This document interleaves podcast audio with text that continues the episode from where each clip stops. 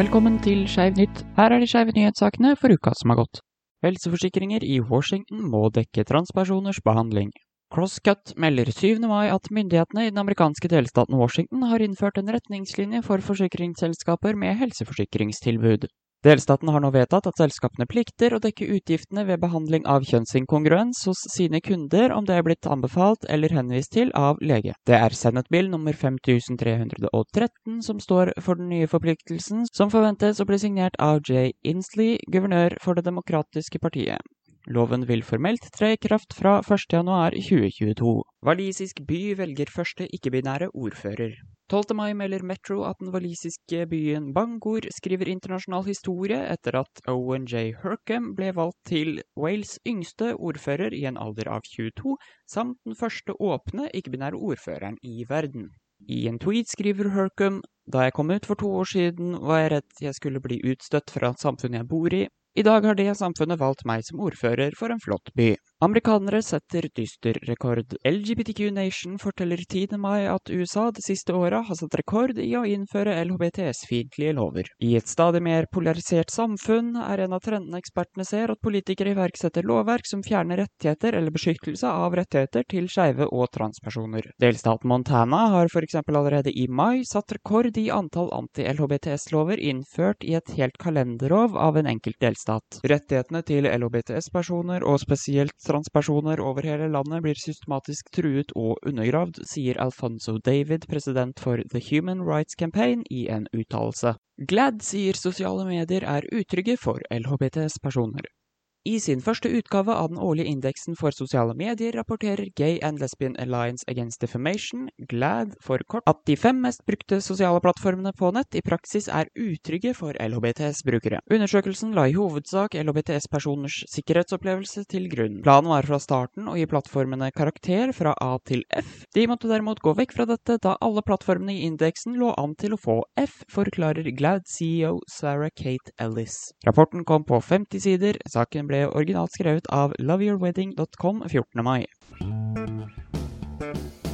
Skeiv nytt fikk du presentert av Mason Desi, og realiteten er den at dette er egentlig alt jeg har å tilby denne uka.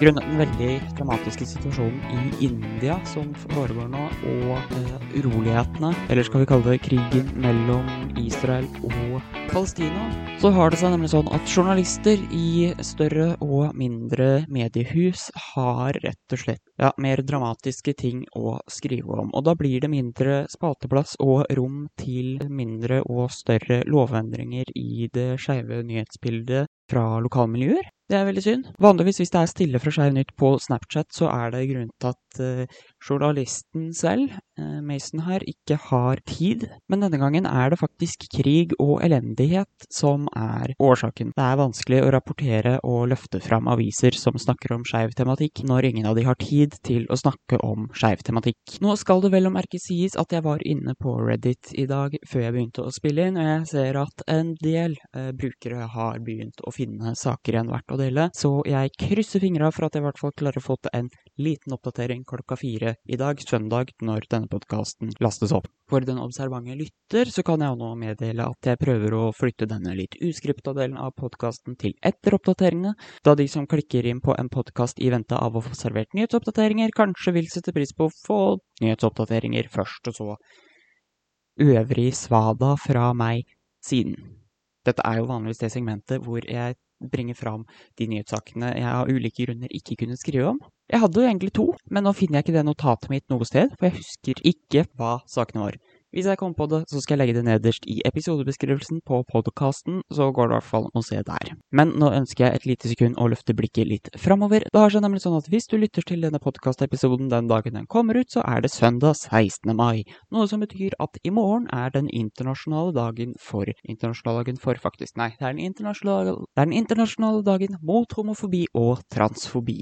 I tillegg til at det er den norske grunnlovsdagen, nemlig 17. mai. Så i mangel av nyheter å snakke om i dag, så kommer det derfor også en ekstra podkast i morgen som Vel, det blir litt nyheter, men det blir egentlig mest annet.